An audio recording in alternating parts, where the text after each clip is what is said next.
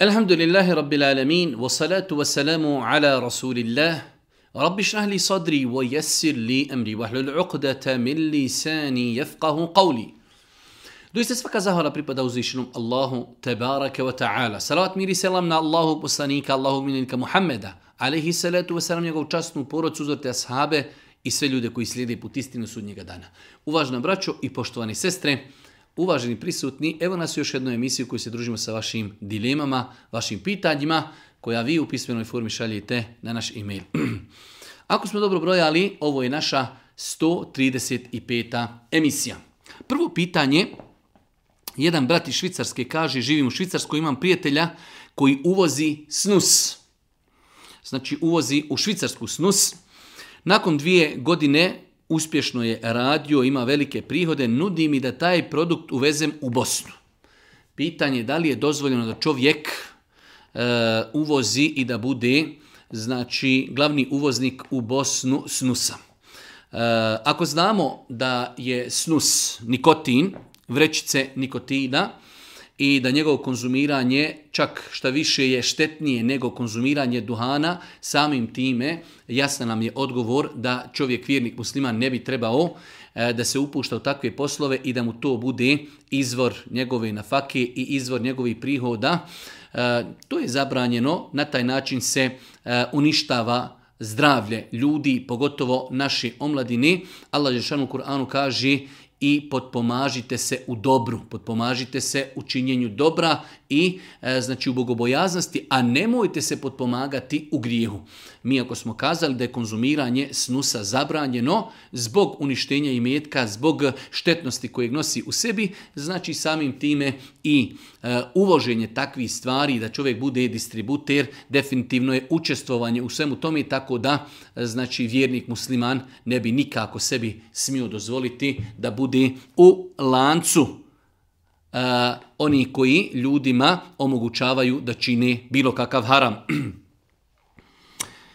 Drugo pitanje, da li je muž dužan ženi obezbijeti hađ ako je u mogućnosti, jer je to farz, a on je dužan da se o njoj brini. Pitanje je znači da li od stvari koje su obavezne, od strani muža prema ženi jeste i hađ. Da li je ili nije? Islamski učenjaci su kazali, kada je u pitanju čovjekova obaveza prema supruzi, da je njemu obaveza da je obezbijedi hranu, da je obezbijedi piće, odjeću i stanovanje. To su osnovne potrebe egzistencije E, nedavno smo govorili u pogledu liječenja, da li je to muž obaveza ili ne, ali kada je u pitanju hađ, muž bez obzira što bio imućan, nije mu obaveza da svojoj supruzi, supruzi obezbijedi odlazak na hađ. Znači, trebamo e, shvatiti ovo pitanje ispravno. E, može se desiti u nekim situacijama da žena naslijedi novac od svoga oca, od svoga djeda, dobije na poklon, da žena ima više novca od svoga, od svoga čovjeka. Da li je njoj obaveza tada da plati svom čovjeku hađ? Nije. Kao što mužu nije obaveza da plati svojoj supruzi, nije ni supruzi, ako je ona imućna, obaveza da plati e, hađ svome čovjeku. Pošto u većini slučajeva čovjek je taj koji radi i zarađuje, žena je ta koja boravi u kući, e, čovjek, muž je taj koji ima materijalnu mogućnost, stoga ako je čovjek imućan, svakako da je lijepo i najprioritetnija osoba koju čovjek treba da počasti, da pomogni, e, da joj ispuni određeni, kako vjerski, tako i neke dunjalučke njene potrebe i želje, jeste njegova supruga. Tako da to što smo kazali da mužu nije obaveza, to nikako ne znači da ne treba. Čovjek vjernik, znači e, umjesto da bi poslao na umru ili hađ nekog tamo lijevog, najprioritetnije je da omogući, obezbijedi sredstva svojoj supruzi da i ona obavi hađ zajedno sa njim, ali kao vid obaveze to nije obaveza. Treće pitanje, kako se treba ponašati kada otac preseli na hiret, a nije rekao kom je šta pripada od djeci? jedno i interesantno, ali s druge strane e, znači e, jednostavno pitanje. Osnova je, osnova je da čovjek ne dijeli svoj imetak za svoga života. To je osnova.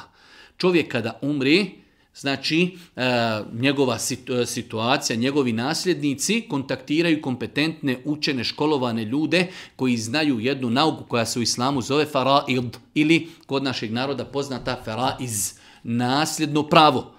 E, takva učena osoba od njih traži da mu daju e, znači spisak ili osobe koje su ostale iza Medjita, da bi znao analizirati ko potpada pod nasljedno pravo, ko ne potpada.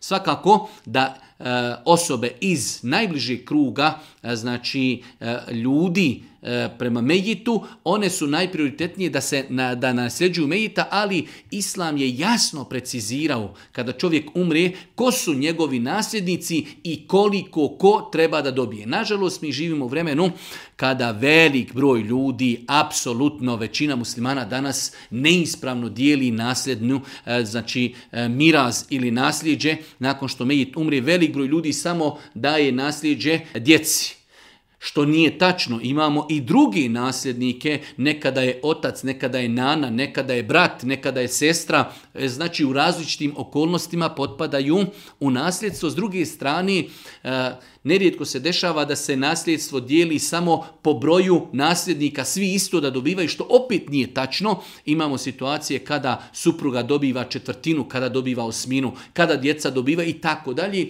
Tako da, e, ako je umro neko, nije za svoga života podijelio nasljednicima i metak, u takvoj situaciji kontaktira se kompetentna, školovana osoba iz znači e, nauke koja se zove nasljedno pravo faraiz, e, dajemo joj e, imena ili broj osoba koje su ostale iza Megita, on određuje shodno pravilima Islama ko jeste od nasljednika, ko nije, nakon toga određuje koliko kome pripada od imetka.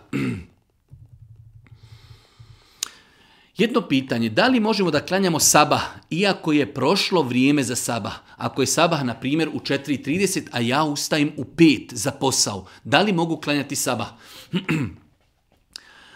Ako izlazak sunca je u 4.30, a čovjek ide u posao na 5, e, u 5 sati, e, čovjek mora ustati prije 4.30 klanjati sabah. Da li će nakon toga ponovo leći spavati ili će sačekati, e, to je drugo pitanje, ali nama se mora klanjati prije izlaska sunca. Makar to bilo 15-20 minuta prije izlaska sunca, ali sabah nama se mora klanjati prije izlaska sunca.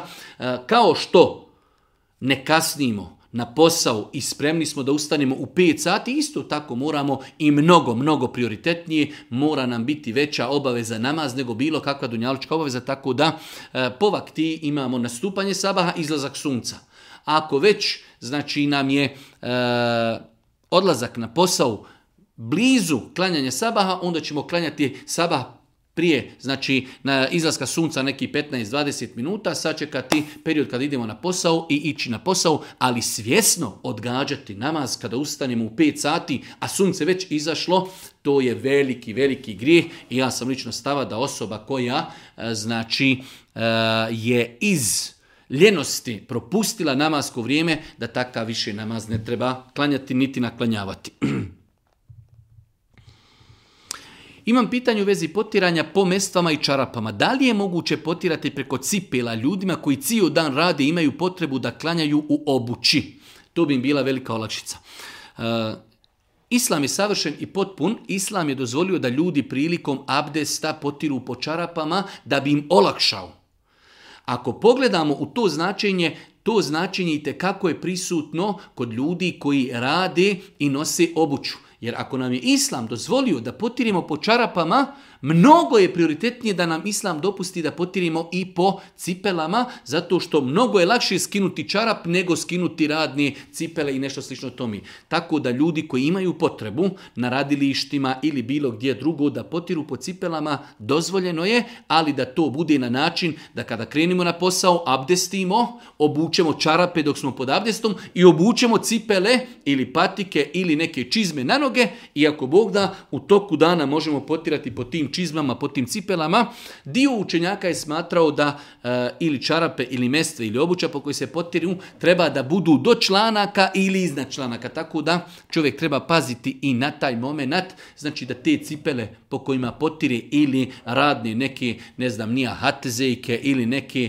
eh, čizme, da budu do članaka ili iznad, da budu iznad članaka, ali u svakom slučaju ako imamo potrebu na poslu, ako smo te cipele ili znači čizme obukli dok smo još bili pod prvim abdestom. Obu, abdestili smo, obukli smo čarape i obukli smo cipele, ako Bog da možemo potirati po takvim cipelama u toku dana. Ima li vjersko utemeljenje da se poslije dženaze ne ide pravo kući? Pa pod navnim znacima da ne donosimo smrt u kuću. Znači, pitanje je da li ima neko utemeljenje kad odemo na dženazu, da ne idemo pravo kući, da odimo negdje malo u čaršiju, da odemo negdje na kahvu, da odemo na sok, jer ako budemo išli pravo kući, pod navnim znacima, mi donosimo smrt u našu kuću, da li to ima neko utemeljenje? Totalno, apsolutno ne. Znači, na taj način kao da mi kažemo, ako mi dođemo kući, mi znamo, mi donosimo nesreću, mi donosimo nečiju smrt u našu kuću, što je apsolutno netačno. Možemo se 300 puta poslije naziv vratiti kući i da niko u našoj rodbini eh, u nekom skorijem vremenu eh, ne umri, a možemo nakon dženazije 300 puta otići u slastičarnu i vratiti se kući da sutra dan odmah neko umre u našoj kući, tako da te dvije stvari nemaju nikakvu uzročno posljedičnu vezu. Čovjek kad odi na dženazu, ako ima potrebi direktno će se vratiti svojoj kući i znači ne treba se bojati. Sve su to neispravna uvjerenja, vjerja koja nemaju nikakve veze sa vjerom niti temeljima vjeri. Esselam alaikum, da li je dozvoljeno igrati košarku 3 na 3?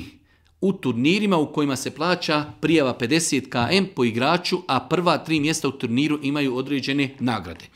Klasična standardna kocka. Znači imamo turnire gdje se igraju 3 na 3, participacija svako plaća po 50 km, e, pobjednici na turniru uzimaju, znači prva tri mjesta uzimaju nagrade, klasična standardna kocka, plaćam, ne znam da li ću izgubiti i ne znam da li ću dobiti. To je definicija kocke u islamu da čovjek daje, investira, nije, ne zna da li će dobiti ili neće dobiti. Razlika je kada se bavimo trgovinom, da čovjek kupi nešto pa rizikuje u trgovini. Kupio sam kuću, to je nešto pipljivo, ali ovdje to je klasično kockanje da čovjek ulaži, participira, nakon toga igra i nije svjestan i ne zna izhod u svemu tome. Možda će pobijediti pa će dobiti hiljadu maraka, a možda će izgubiti pa neće dobiti ništa. Ako dobije hiljadu, s kojim pravom je dobio hiljedu? ako ne dobije ništa, s kojim pravom je neko drugi uzeo njegove pare, čista klasična kocka, tako da, znači, rekli smo nekoliko puta, ako se već organiziraju neki turniri, što nije loše, svakako u granicama islama. E, organizatori trebaju da nađu e, kao organizatori nekoga ko će na sebe preuzeti financiranje e, nagrada, a da ljudi ulaze bez participacije. Esselamu alaikum, ima jedno pitanje vezano za kurban. Da li je muška osoba koja sebi kolje kurban obavezna deset dana prije kurbana Bajrama ne šišati se, ne brijati se i ne sjeći nokte? Da li je to istina i zbog čega? E, došlo u vjerodostojnom hadisima koji bilježi ima muslim da je Allah poslanik alaih salatu wasalam kazao kada nastupi mjesec Zulhidje, pa neko od vas tjedni da kolje kurban, neka ne uzima i neka ne krati ništa od svoje kose ili od svoje kože ili neka ne sjeće svoje nokte. Ovaj hadis zabilježio ima muslim u, u svome sahihu, samim tim hadis je vjerodostojan. Islamski učenjaci se u pogledu toga razumijevanja ovog hadisa e, razilaze se, ali ja sam lično stava da nema znači ništa e, da kažemo e, zbog čega bi mogli ostaviti rad po ovom hadisu. Hadis je jasan, poslanik ali selam ne govori o hađi, već govori kada nastupe iz Zulhidžeta, ko od vas bude želio ko od vas, od ummeta, ne ljudi hađija, ko bude želio da e, kolje kurban, ko je vlasnik kurbana, neka ne skraćuje ništa od nokata, ništa od dlaka na svom tijelu, ništa od koži sa svoga tijela, tako da e, svakako da bi čovjek vjernik trebao od momenta nastupanja dana Zulhidžeta, da znači ako zna da će klati kurban te godine, ti prvih deset dana da znači prije toga jednostavno pripremi se, skrati nokte, skrati brkove, e, znači depilira se oko znači ispod pazuha oko stidnih dijelova tijela i u narednih deset dana ako Bog da da to više ne radi, hadis je vjerodostan i treba raditi po njemu. Pokrivena sam i naravno svi već poznaju pravila hijjaba, ali se miješaju pravila odjeće po kući. Naime, rečeno mi je da ne smijem oblačiti odjeću koju je muškarac nosio. Baš me to zanima i tako dalje, jel mi grijeh obući majicu eh, i tako dalje i tako dalje. U svakom slučaju, eh, kada je u pitanju odjeća, Allah poslanik je zabranio da muškarci nosi odjeću koja je ženska odjeća, putem koje će oponašati žene i zabranjuje ženama da nose odjeću putem koji nosi, e, znači oponašaju muškarci. Imamo odjeću koja je eksplicitno vezana za muškarce, imamo odjeću koja je eksplicitno vezana za žene, imamo odjeću koju mogu nositi i muškarci i žene. Ono što je zabranjeno jeste da žena nosi određenu odjeću koja je specifična za muškarce. Kao što je muškarcu zabranjeno nešto da nosi što je specifično za žene. Ne može muškarac nositi suknju. Jednostavno, znači to je nešto što je specifično za žene. E, odjeća koju mogu nositi i muškarci žene. Imate određene majice koje jednostavno nemaju nikakav poseban kroj, mogu i nositi i majice, e, mogu i nositi i žene i muškarci, Takve, inšala, takvu odjeću je ženi dozvoljeno da nosi u svojoj kući, e, pred svojim čovjekom, pred svojom djecom i tako dalje. Ono što treba izbjegavati, kako ne daj Bože, ne bi čovjek potpao pod zabranu, jeste da se nosi nešto što je eksplicitno vezano za muškarce, kad su pitanju žene, ili da muškarci noše nešto što je eksplicitno vezano za žene. Imamo odjeću dok je vidimo, znamo, to je eksplicitno vezano za žene. Kada vidimo neku odjeću, to je eksplicitno vezano za muškarce, to ne nose žene, e, za razliku od odjeći koja je, znači, nose i muškarci i žene. E, imamo vjerodostan hadis kod imama muslima da je Allah poslanik ali se ratu wasalam nosio Aishin komad platna, ali taj komad platna je takav da ga mogu nositi i muškarci i žene. Pa je, znači, e, vjerodostojnim hadisom potvrđeno da je Boži poslanik nosio to platno, ali je to platno, znači platno kojim se mogu ogrtati i pokrivati i muškarci i žene. Pa e, ponavljamo, žene u kućama, bez obzira što ih niko ne vidi, znači pred svojim čovjekom, pred svojom djecom, pred mahrimima, opet ne treba da nose nešto što je eksplicitno vezano za muškarce, a i muškarci ne trebaju da nose nešto što je eksplicitno vezano za žene, a odjeća koja je i za muškarce i za žene, znači mogu je, ako Bog da nositi jedni i drugi, u ovom hadisu da je Boži poslanik nosio komad platna, e, a išin komad platna, kojeg mogu nositi muškarci i žene.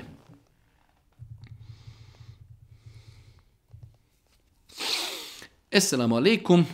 Da li mi, moj rođeni brat, može dati zekijat u sljedećoj situaciji? Nisam udata i živim sa roditeljima, nisam zaposlena i imam određene zdravstvene probleme. Brat nam pomaže i šalje novac svakako, pa me zanima da li je dozvoljeno da mi da zekijat i tako dalje. U svakom slučaju, E, kada je u pitanju davanje zekijata, osnova je da zekijat ne smijemo davati uzlaznoj niti silaznoj lozi. Ne možemo dati svome ocu niti djedu, niti otac može dati svome djetetu, niti e, svome unuku ili unuci. Znači, osnova zekijata je da ne možemo davati zekijat uzlaznoj niti silaznoj lozi. Svakako brat i sestra niti su uzlazna niti silazna loza, oni su znači u jednom e, zajedničkom rangu e, s tim što znači osnova je da brat može dati sestri zekijat ako ona potpada pod kategoriju zekijata. Znači ako imamo djevojku koja se nije udala, živi sa svojim roditeljima, ima određene e, vanredne e, materijalne troškove koji njeni roditelji ne mogu njoj isfinansirati, u takvoj situaciji e, dozvoljeno je njenom bratu da ju da iz zekijata, kao što je dozvoljeno sestri da da svome bratu. A jedan od uvjeta kojih su islamski učinjaci stavili jeste da kada bi pretpostavili da neko od njih dvoje umri, da li bi ga ovo drugo nasljeđivalo. Ako je on njegov nasljednik, onda mu ne može dati zekijat. Ako nije njegov nasljednik, ako ne bi bio njegov nasljednik, on mu može dati zekijat. U svakom slučaju, znači, osnova je da je brat i sestra jedno drugome mogu dati zekijat. Ako se ispunjavaju uvjeti siromaštva kod osobe koje dajemo zekijat i da ta osoba, ako bi pretpostavili da jedna od njih dvoje umri, da jedno drugo ne nasljeđuju šerijatski, znači da jedno drugo ne nasljeđuju, ako nasljeđuju, e, dio je kazao da u takvoj situaciji nije dozvoljeno dati zekijat. 11. pitanje, kada klanjam vitr namaz, da li prije kunut dovi, a nakon fatihe i surje dižimo ruke kao za tekpir pa ih vezujemo i učimo kunut dovu? Znači ovo je poznato pitanje u Hanefijskom mezhebu da u Hanefijskom mezhebu kada se prouči Fatiha, kada se prouči sura, donosi se tekbir, nakon toga se uči kunudova dova. E, Allah najbolje zna E, to je jedno od pitanja, hajde da kažem prvenstveno, e, u pogledu kojeg postoji razilaženje kod učenjaka i ta pitanja e, moramo biti u njima tolerantni. Znači ako vidimo da neko praktikuje jedno ili neko praktikuje drugo, da jednostavno to su pitanja podležna različitim razumijevanjima. Ja lično sam stava, analizirajući to pitanje, istražujući to pitanje, ne postoje vjerodostojne hadisi koji potvrđuju postojanje tog tekbira. Znači ne postoje vjerodostojni argumenti koji potvrđuju da je poslanik tako učio Fatihu pa suru, pa donosio tekbir, pa učio, učio e, kunudovu. E, postoje određene predaje u pogledu e, čijih vjerodostojnosti postoji razilaženje, s druge strane postoje neke predaje isto od ljudi iz prvih generacija, ali ono što ja lično sam uvjeren da ne postoji validan vjerodostojan dokaz da je to radio Boži poslanik, samim tim sam stava da ne treba taj tekbir donositi. Ali ako neko donosi taj tekbir zato što je tako naučio, zato što prakuje hanefijski mezheb, zato što e, jednostavno e, naučio je od ljudi koji su njegove autoriteti, ne treba da kažemo oko toga ništa zatezati, ne treba praviti ne daj Bože svađe, ali lično, lično e, niti to praktikujem, niti, niti smatram znači da imaju dokazi koji to potvrđuju uz respekt i poštovanje svih oni koji praktikuju drugačije. Da li je grijeh na kurban bajram otići u džamiju, to jeste, da li žene idu klanjati bajram namaz? Jedno lijepo, interesantno pitanje, da li žene klanjaju bajram namaz? U vjerodostojnim hadisima koje bileži imam i Buhari i Muslim stoji da je Allah poslanik naredio, naredio nam je, kaže Boži poslanik namaz sahabima, da na bajramsku musallu, Prva stvar, znači, od da se Bajram klanja na musallama. Musalle su otvoreni prostori gdje se može okupiti dosta e, znači, naroda da klanjaju Bajram na otvorenom. To je prvi sunnet. Druga stvar, poslanik je naredio da se čak e, znači na Bajram dovedu i žene koje su i neudate i djevojke koje su u tom nekom periodu e, znači punoljetstva i djevojke koje nisu udate i djevojke i žene koje su čak u hajzu. Pazite, do te mjere da je Boži poslanik rekao i žene koji su hajzu, neki one dođu. Nek prisustuju Bajramu i nek prisustuju muslimanskim dovama i beričetu, nek slušaju Bajramsku hudbu, tako da ako se Bajram klanja na otvorenom ili ako se klanja u džami, ali ima prostor poseban za žene, onda je lijepo i pohvalno da i žene prisustvuju Bajram namazu i zbog beričeta, i zbog dovi, e, znači i zbog slušanja Bajramske hudbe. To je jedna prilika da žene čuju određene propise vezane za islam u bajramskim hudbama. Tako da, znači, e, da li je propisano? Da. E sada imamo u dosta slučajeva naše džamije jednostavno e, kapaciteti džamija su toliki da kada dođu muškarci na Bajram džamija je totalno puna. Tako da u takvim situacijama, e, znači koliko je pitanje, koliko žene uopće mogu i doći na Bajram, ali ono što bi trebalo raditi u budućnosti jeste da se Bajram namaz organizuje na otvorenom prostoru, a kad smo na otvorenom prostoru, tada ima inšala mjesta i za djecu, i za žene, i za e, omladinu, i djevojke, i znači udat i žene u hajzu, znači da što više muslimana dođe, da prisustuju dovi, da prisustuju Bajramu, da prisustuju e, znači vazu koji se E, znači drži e, na dan Bajrama. Tako da rezime odgovora propisano je, lijepo je, pohvalno je i da žene dolazi na Bajram.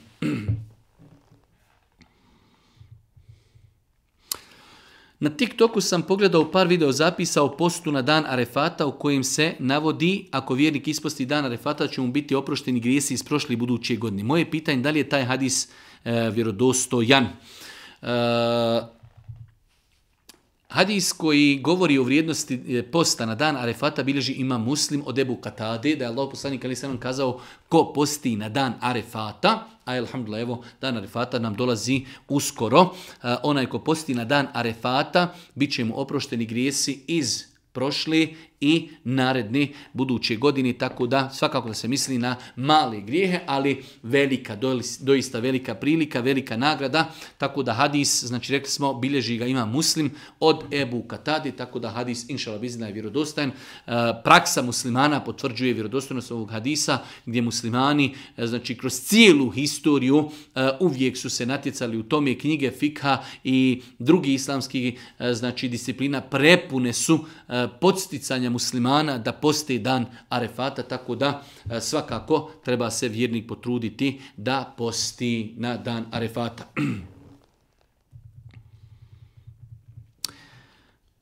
Jedno pitanje, sad sam izvadio zub, da li mogu uzeti abdest, a da ne perim usta?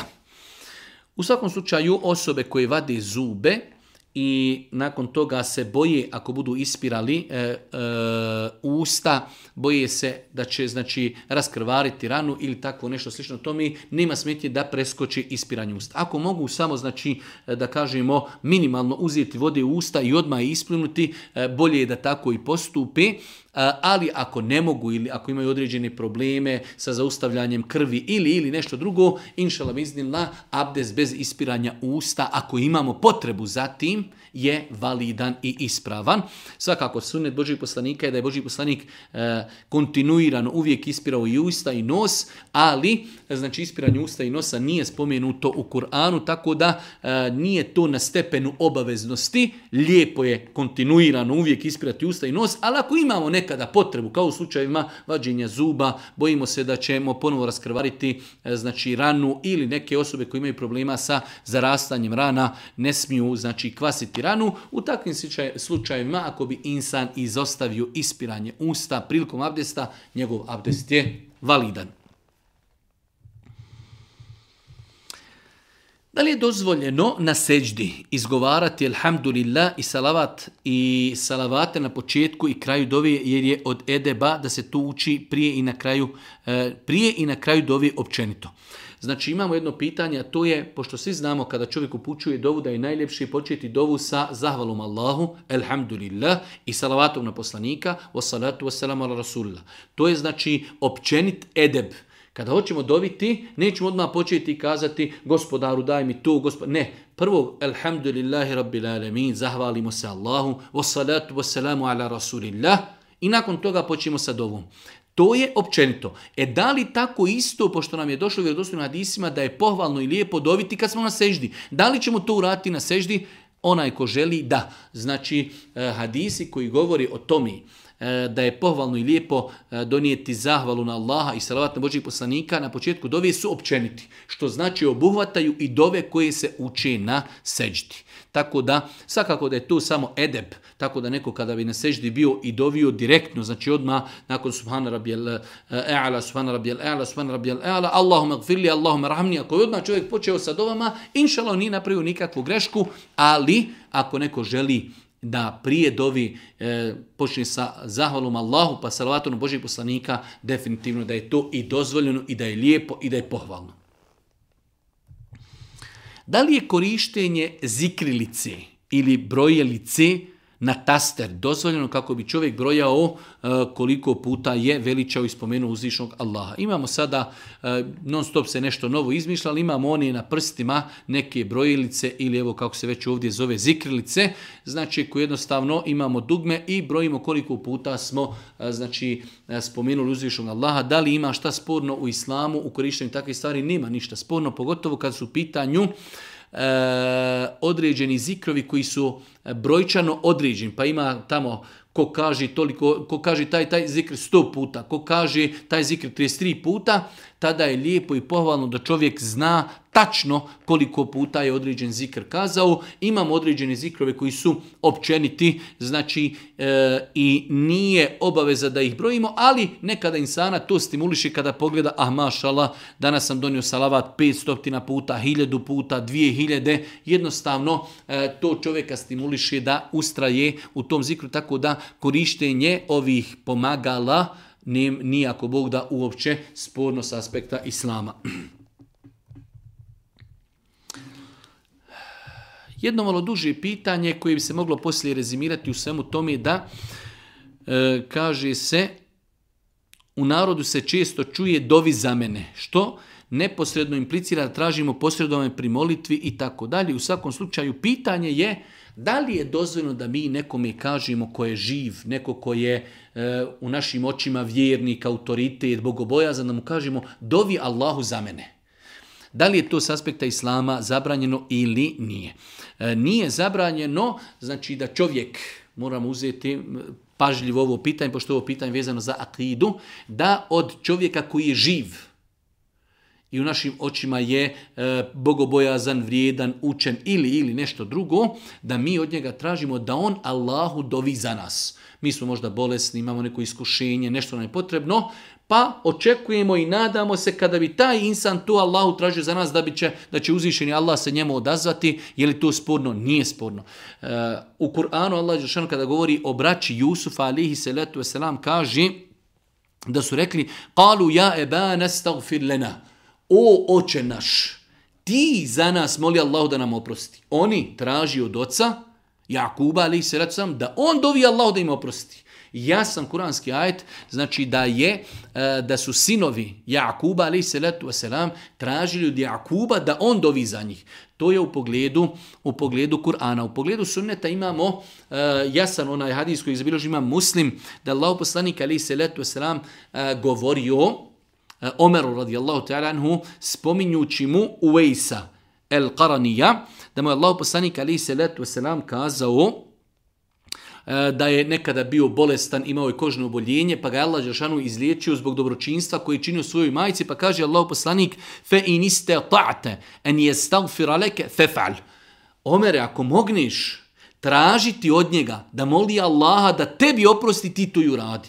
Poslanik daje savjet Omeru radijallahu ta'ala i drugim ashabima ako se upoznaju sa čovjekom Uvejsom, El Karanijem, koji znači, je živio u Jemenu, bio je bogobojazan, činio je dobročinstvo svojoj majici, kaže Boži poslanik, ako mognete, ako ga vidite, tražite od njega da on moli Allahu e, za vas, da vam Allah oprosti, fef'al, Uradite tako, pa je Omer tako i uradio. Tako da ovo je jasan dokaz da je Boži poslanik Ali dozvolio da se traži e, e, od živog insana da dovi za nas. Ono što je zabrajno jeste da molimo Mejita.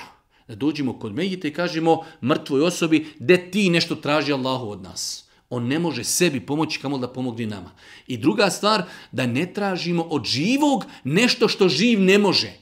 Ne možemo mi od živog čovjeka tražiti da nam on oprosti grijehe ili da nam on podari zdravlje ili da nam on podari da nam supruga zatrudni ili tako dalje. Ali da živ insan dovi Allahu za nas, da kaže ja rab oprosti mom komši ili e, podari mu zdravlje ili, ili, to je apsolutno, apsolutno dozvoljeno.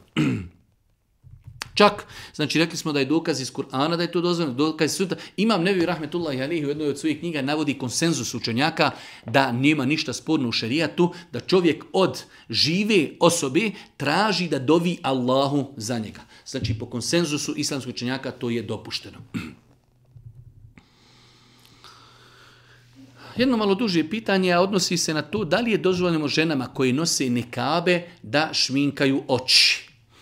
E, odgovor na to pitanje e, zavisi od vrste nikaba kojeg žena nosi.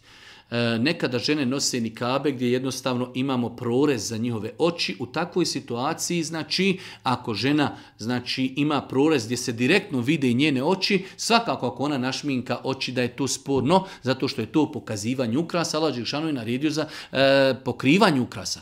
Dok, znači, ako žena nosi nikab, koji ima gaze preko očiju, nema nigdje otvora da direktno možemo vidjeti njene oči. Žena ako se i našminka, ima gaza koja sprečava pogled da vidimo e, njenu šminku. U takvoj situaciji nema smetnje da žena našminka i lice, našminka usne, našminka obraze i da našminka isto i znači oči zato što znači ljudima je znači spriječeni su ljudi na ulici da vide njene oči zbog gaze koji nosi, koje, koje ona nosi e, čime pokriva svoje lice. Tako da, e, znači, šminkanje očiju kod žena koje nosi nikave zavisi od vrste nikaba kojeg nosi. Ako je to nikab koji ima svoj prorez, onda žena e, ne treba da šminka svoje oči zato što jednostavno to je nešto što ljudi u susretu sa njom vide, a Ukras je zabranjeno žene da pokazuju, ali ako se radi o nikabima koji imaju gazu, znači i mi nemamo direktan pogled do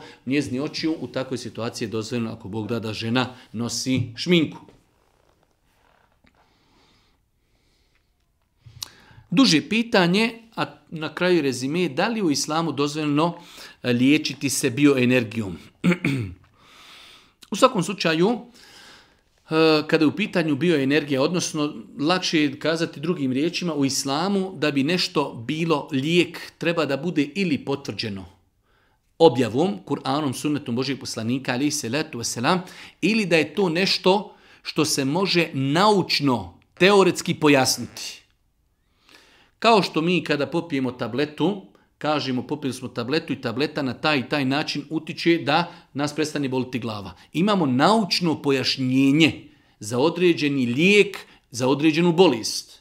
Da li energija potpada pod jedno ili drugo, niti pod jedno, niti pod drugo. Tako da e, niti potpada pod to da je to Boži poslanik ali se letu nam odobrio, niti imamo e, za to dokaz u Kur'anu, a isto tako naučno pojašnjenje Zašto nemamo uh, u, u, u e, da kažemo, u bolnicama ili e, medicinskim centrima da imamo liječenje bioenergijom, kao što imamo kardiolog, ovo, ono, znači zato što su to medicinski dokazane metode liječenja.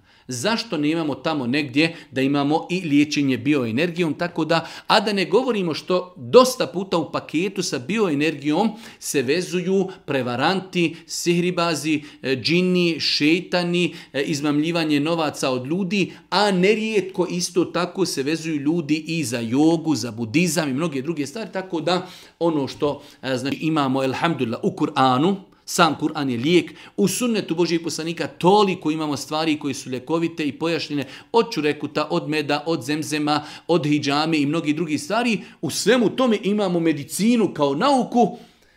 Znači, e, mislim da je to više nego dovoljno i da musliman vjernik nema potrebu da e, ulazi u polja koja su minimalno, za njih možemo kazati, sumljiva. Minimalno što možemo kazati za bioenergiju da je sumljiva. Zanima me da li je zviždanje pokuđeno ili haram ili nešto što nije fino. I tako dalje, dugo pitanje u kojem stoji da je čovjek, e, znači da su njegovi roditelji su da to nije fino i tako dalje. Generalno gledajući, e, ne postoji dokaz na osnovu kojeg bi mogli kazati da je zviždanje zabrajeno pa čak i pokuđeno. S tim što E, definitivno vidjet ćemo kada ćemo vidjeti nekog školovanog, pismenog, učenog čovjeka da u javnosti negdje ide i zviždi. Sama ta činjenica ukazuje da to nije nešto što je prihvatljivo kod učeni, školovani, pismeni, e, uglednih ljudi u jednom društvu. Tako da sama ta stvar ukazuje da to nije nešto pohvalno ali isto tako ako neko e, zvizne, zviždi ili zvižduće, ne možemo kazati da je uradio nešto što je zabranjeno u islamu. Čak ne možemo kazati da je uradio nešto što je pokuđeno, ali definitivno e, da je bolje to ostavljati e, ako čovjek zatim nema potrebe, jer jednostavno jedan od razloga jeste kada smo vidjeli da negdje e, neka ugledna, školovana, pismena osoba, da li ste vidjeli nekog akademika, doktora, sportistu, negdje znači u javnom životu da ide po gradu i da zviždi, nismo to vidjeli, zato što je to nešto ipak što ne doliči uglednim osobama, tako da vjernik musliman bi to trebao izbjegavati, ali ako bi neko to uradio, ne možemo kazati da je uradio nešto što je zabranjeno u islamu. Esselamu alaikum, možete li mi dati savjet da li prije akšama, eh, da li prije akšama može li se klanjati na fila? Malo e, pogrešno definisano pitanje, ali pitanje je da li možemo klanjati na filu prije akšama. Ako se misli da li se može klanjati na fila prije zalaska sunca, ne može prije akšama, prije zalaska sunca, ne. Ako je pitanje da li se može klanjati na fila nakon što je zašlo sunce, a prije farza akšamski, može. Znači imamo vjerodostojne hadise e, u kojima je Allah poslanik i preporučio i odobrio ashabima klanjanje e, dva rekiata na file prije farza. Nažalost, to kod nas nije poznata praksa, ali evo možemo, pogledamo, upalimo satelitski kanal i vidimo u Mekki Medini, prouči se ezan za akšam i čeka se 5, 70 10 minuta, ljudi klanjaju na filu, nakon toga se uči i kamet i klanjaju se akšamski farzi. Kod nas uči se ezan i odmah se uči e, i kamet, e, da kažem, e, ajde, možemo ovako kazati, E, trebalo bi lagano učiti ljude e, e, sunnetu, da imamo znači prostora, da ostavimo neki pet minuta, a iz druge strane iz tehničkih razloga onaj ko je čuo ezan, osim ako je u džamiji, on je stigu u džemat. Ali da neko čuje ezan, idem sada abdest pa ću stići u džamiju, nemoguće stići u džamiju zato što odmah se uči kame tako da iz tog tehničkog razloga da ostavimo malo prostora za ljude koji su čuli ezan ili su možda, možda otišli u abdestanu da abdesti, da ostavimo neki pet minuta, onima koji žele da klanjaju na filu, a i onima koji žele da abdeste. U svakom slučaju, e, da li se može klanjati na fila prije akšama? Može, ako je nakon zalaska sunca klanjati dva rekiata. Boži poslanik je preporučio i e, vidio je ashabe koji to klanjaju i on je to odobrio. Tako da, znači, pohvalno i lijepo je prije akšama, ako ima prostora, znači nakon zalaska sunca, prije akšama klanjati dva rekiata.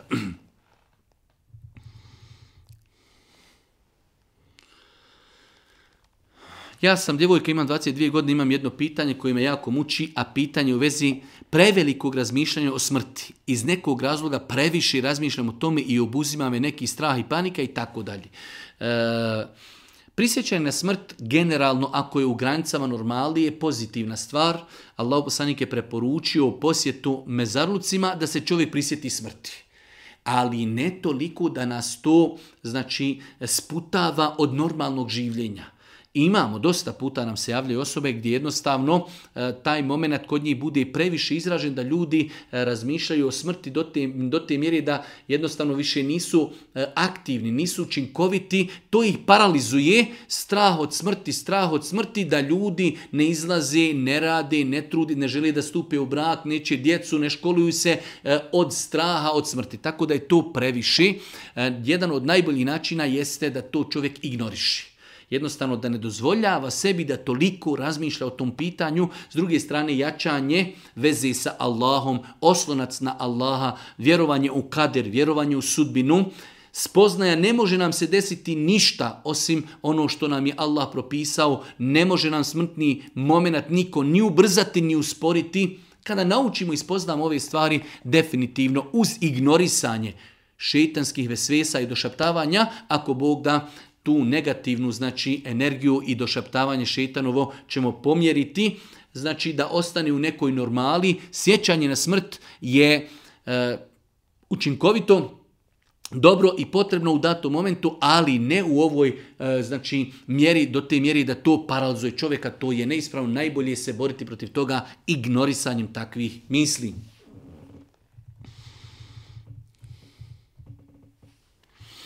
Zanima me da li žena ako je imala odnos sa svojim mužem može da odvoji, e, odvojeno operi tijelo i kosu u razmaku saha tipu 2. Da se to broji gusul ili ne? E, moram kazati da velik broj učenjaka je smatrao ovakve stvari da su ispravne, ali lično analizirajući ova pitanja i praksu Božih poslanika nikada nisam našao dokaz na osnovu kojeg bi shvatili da se može tijelo parcijalno prati u gusulu. Kao što kad uzimamo abdest, islamskoj činjaci su postavili pravilo ako smo oprali ruke, ne smijemo praviti toliku pauzu e, dok pranja nogu ili ruku ili, potira, ili, lica da bi nam se ovaj dio osušio. A to se dešava možda u maksimalno nekoj granici minut i po dva. Tako da, znači, vidite u abdestu, ne smijemo praviti pauzu od minut i po dva kako naš abdest ne bi bio neispravan a ne znam na osnovu čega bi mogli kazati možeš oprati dio tijela, a nakon toga operi drugi dio tijela i to će se smatrati kao gusul. Gusul je jedan ibadet i da bi bio validan treba da bude, da kažemo, kompaktna cjelina, perimo kosu, perimo ostali dio tijela, onog momenta kada to možemo. Tako da ne bi nikako da se ljudi poigravaju sa ovakvim pitanjima, gusul kao gusul, od džunupluka, od hajza, od nifasa, to je jedan ibadet i... E, parcijalno pranje ljudskog tijela, ne znam, ne znam, jednostavno nije mi poznat eh, validan dokaz na osnovu kojeg bi mogli kazati da je to ispravno, tako da moj savjet je da se ne igramo s takvim pitanjem iz razloga što iz takvih pitanja proizilazi da li smo mi pravno čisti ili ne. E, znači ona osoba koja je džunup i žena koja je u hajzu ili fasu, a ako bi rekli da je takav gusul neispravan, samim tim i namazi koji dolazi poslije toga su neispravni, tako da moj savjet je da se ne poigravamo sa takvim pitanjima. Znači, e, onog momenta kada nađemo vremena, okupat ćemo kompletno tijelo od glavi do ostalih dijelova tijela, onako kako nam je preporučio Boži poslanik ali se ali parcijalno prati jedan dio, pa nakon toga nekad nakon sat po dva prati drugi dio, mislim da je neispravan ispravno. 25. pitanje, imam jedno pitanje, upoznala sam se nedavno sa jednim momkom i ispade da smo ja i on rodbina. Njegova nana i moja nana su dvije amidžišne. Znači mi smo četvrto koljeno. Njegova nana i moja nana amidžišne a nakon toga dolaze njihovi roditelji, e pitanje je da li takve dvije osobe mogu stupiti u brak što se tiče islama.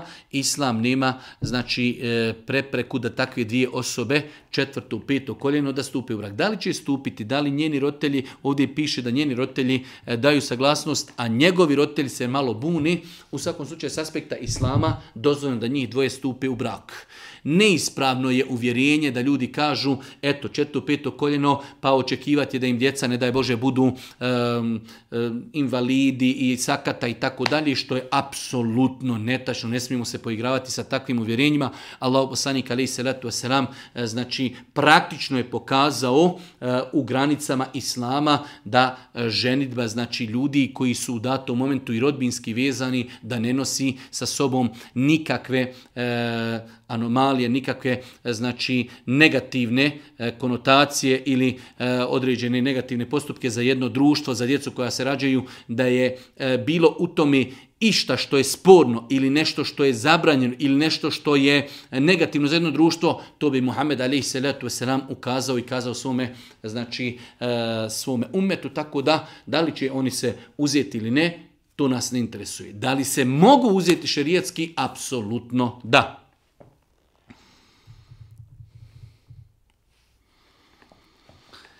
Da li mogu uzeti abdest, a potom klanjati sa henom na glavi? Hena na glavi, to su one kane koje žene koristi.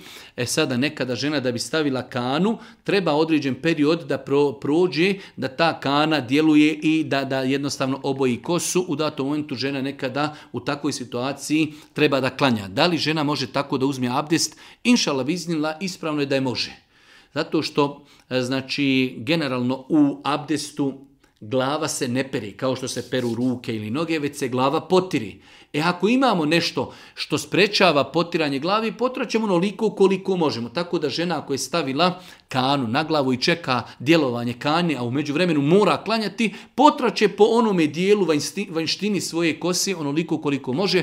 i poslanik kada bi išao na hađ, svoju kosu bi medom zalijepio. Jednostavno to je tada bila takva praksa kako je Boži poslanik mogao po medu potirati? Znači, tako u istom momentu, znači i žena koja je stavila kanu na kosu, ako nema vremena da čeka da skine kanu pa da operi pa da onda lijepo klanja, već boji se da će namasko vrijeme isteći, ona će abdestiti kada dođe do potiranja glavi, vlažnim rukama će potrati po vanjštini kose i glavi koliko može, iako Bog da njen abdest je validan.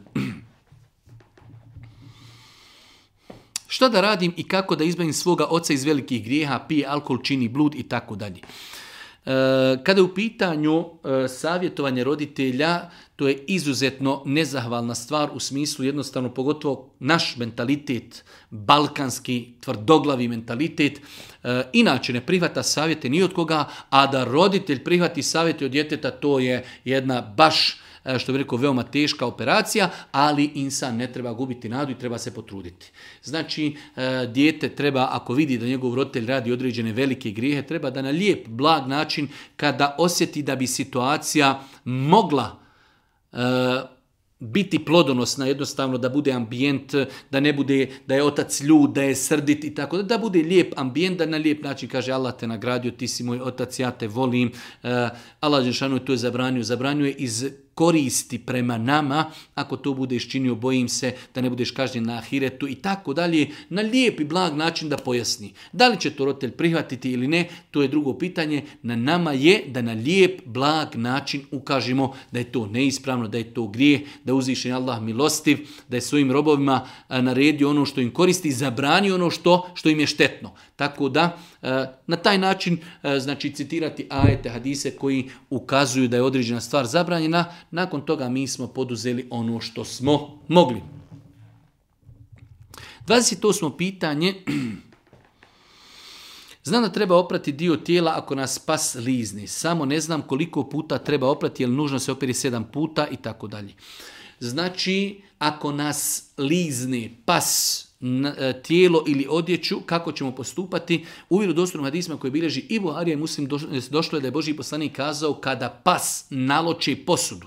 Znači bila je voda i pas je pio vodu iz određene posude, kaže Allah poslanik treba takvu posudu oprati, znači sedam puta vodom, jednom, dva put, tri put, sedam puta, a prvi put da se koristi nešto grubo, Boži poslanik kaže nek zemljom da se očisti. E, isti je propis i za tijelo i za vodu. E, i za odjeću. Znači čovjek ako je zna sigurno da ga je pas liznu, ovo je bitno lizno, znači gdje je došao u dodir sa pljuvačkom, taj dio tijela ili dio odjeće će oprati sedam puta vodom, prvi put uzeti nešto grubo, može uzeti zemlji, a može i uzeti e, u današnje vrijeme neka sredstva za znači čišćenje higijenu da uzme znači ili e, ono što imamo od sapuna, od šampona, od prašaka za, za znači pranje, sve te stvari mogu zamijeniti ako Bog da e, po mišljenju savremenih učenjaka zemlju. Tako da ako je e, pas lizno naše tijelo ili našu odjeću, E, ako je perimo na sebi, svakako da odjeću možemo ubaciti u mašinu i mašinsko pranje je više nego dovoljno. Ako perijemo svoje tijelo, onda ćemo znači sedam puta oprati vodu, a prvi put ćemo uzeti nešto grubo ili zemlje, ili ćemo uzeti sapun, ili ćemo uzeti nekog praška, znači e, kao higijensko sredstvo za čišćenje, oprati nakon toga još e, znači šest puta oprati, oprati vodom. Da li mogu nasljednici spaštati zbog grijeha svojih predaka? Ispravno je mišljenje e, učenjaka da nasljednici ne mogu ispaštati zbog grijeha njihovih predaka. Allah Žešanu kaže u Kur'anu وَلَا تَزِرُ وِزْرَ uhra Niko neće snositi posljedice tuđih grijeha. Imamo u suri Kehf pojašnjenje e, da E, nasljednici mogu imati privilegije zbog dobrote svojih nekih predaka. Znači kad su u pitanju privilegije, dobrote, beričeti, blagoslovi, može. Kada je u pitanju kazna, ne. Znači ako je neko nešto radio, ako je dobio on kaznu i zaslužio određene stvari, to je ali njegovi, njegovi nasljednici e, znači nemaju sa tim nikakve veze niti kakvog udjela. 30. pitanje. Ima oko dva mjeseca kako sam se pokrila i kao i svaka žena sa hijabom u svojoj kući sam otkrivena. Također, ja također se jako trudim da budem vjernica. Međutim, rođaci i komšije nemaju naviku da kucaju, zvoni, da se najavi pa samim time zateknu mene otkrivenu. Moji roditelji nemaju nikakav problem sa time da oni mene vide bez mahrami. Dok ja i kako imam. Moje pitanje je da li je grijeh moj i kako da se nosim s time. Ovo je jedna negativna pojava u našem društvu, pogotovo kada su u pitanju sela i znači da kažemo e, ruralne sredine. E, gdje ljudima nedostaje malo, moramo tako privati, rednostnom u gradovima e, živi u jednoj zgradi 30 poruca, niko nikoga ne zna i niko nikome ne dolazi i sve je zaključano, dok na selima imamo, znači e, ljudi su jedni drugima i bliže i dolaze, ulaze, ne kucaju i to je jedna nažalost i tekako negativna i nekulturna praksa velikog broja ljudi na selima gdje dođu čovjeku, uđu mu u kuću, niti su kucali, niti su zvali, niti su zvonuli, nekada se može desiti da ljudi imaju u kući nešto što ne žele da ne neko vidi. Možeš bahnuti u kuću kad se ljudi svađaju. Možeš bahnuti kao u ovom slučaju žena otkrivena. Ona se toliko stidi, ona se pokrila radi Allaha i ti dođeš u njegovu kuću i u njenoj kući je vidiš. Znači, iako ona ima pravo šerijatsko da u svojoj kući bude otkrivena i ti dođeš u njenu kuću da je vidiš otkrivenu. Tako da e, s tog aspekta moramo se podučavati, moramo se učiti kulturi. Allah Đelšanu Kur'anu kaže u vjernici, u tuđije kuće ne ulazite dok dopuštenje ne dobijete. Znači, u kuću tuđu ne smiješ ući, ne smiješ, haram, zabrajno.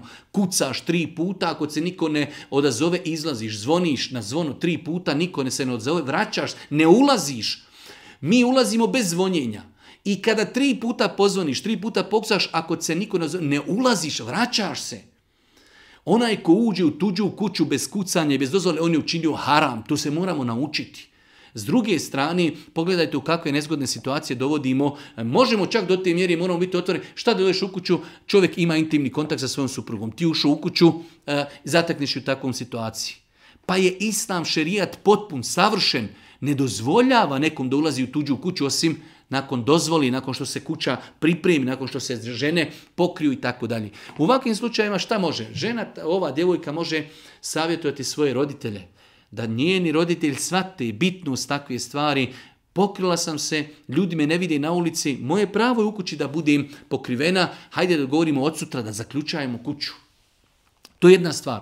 E, znajući naš mentalitet, vjerujem da u većini slučajeva naši ljudi neće podržati takvu djevojku, iako bi trebalo da, da budu ponosni, ali ako, ako se već desi, onda Allah najbolje zna, jedino rješenje jeste da takva osoba znači ili ima svoju sobu koji će biti otkrivena, gdje će ona zaključati svoju sobu ili znači u tim momentima dok boravi, e, znači u dnevnom boravku i negdje gdje neko može bahnuti da ipak nosi znači mahramu ne kao vid obavezi, ali jednostavno da bi se sačuvala ti nekih negativnih situacija u koje može pasti, nezgodnih situacija, pokrivena sam na polju, oni ušli u kuću, vidjeli me, onda ako oni neće praktikovati islam, ako su oni nekulturni, moram ja dodatno paziti kako i na koji način da se e, ponašam. Tako da e, Znam da je to teško, ali znači e, takva je situacija. U većini slučajeva roditelji nemaju razumijevanje za svoje dijete koje se pokrilo. E, znači njih je stid da zaključaju svoju kuću. Vjernik muslima ne treba nikog da se stidi. Zaključana je kuća. Onaj ko ne zna da se znači treba pokucati, njemu treba zaključati kuću. Gospodine, ili pokucajte ili te pozvonite. Ako vam se otvori bujrum, ako vam se ne otvori, vratite se i ne smijete se po islamu se ne smije insan ljutiti ako mu neko ne otvori vrata, a mi znamo kako je to kod nas, pogotovo na selima, znači jednom bi ti čovjek pokucao, ako mu ne otvoriš, neće ti više nikada u životu doći, ali to je naše neznanje. Nećemo mi zbog našeg neznanja iskrivlji, iskrivljivati, iskriviti vjeru i njene propise zbog nečijeg hatura i zbog nečijeg neznanja.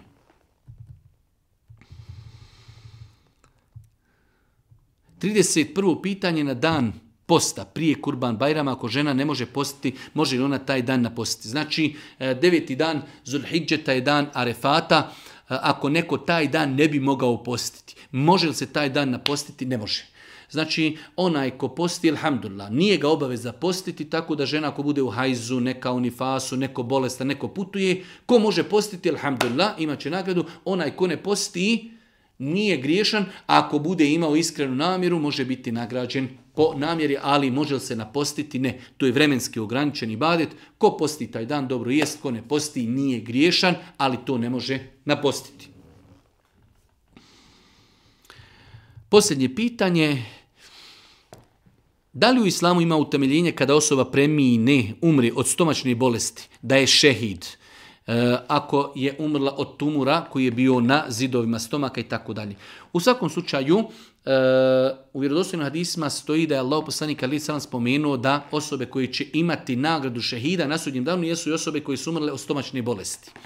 Tako da e, osoba koja umri od raka, ali rak koji je bio u stomaku, vezan za stomak, E, velik broj islamskih učenjaka doba smatrao je da takve osobe ako su umrle od raka koji je bio vezan samo za stomak i stomačne bolesti, da ako Bog da, nadat je se da potpadaju pod nagradu spomenutu ovim hadisima, to je da osoba koja umre od stomačne bolesti da će imati na ahiretu stepen, stepen šehida. Allah subhanahu wa ta'ala molimo da nas uči na putu istine, da vam podari dobro dunjalka ahireta i na kraju subhanike Allahumma bihamdike.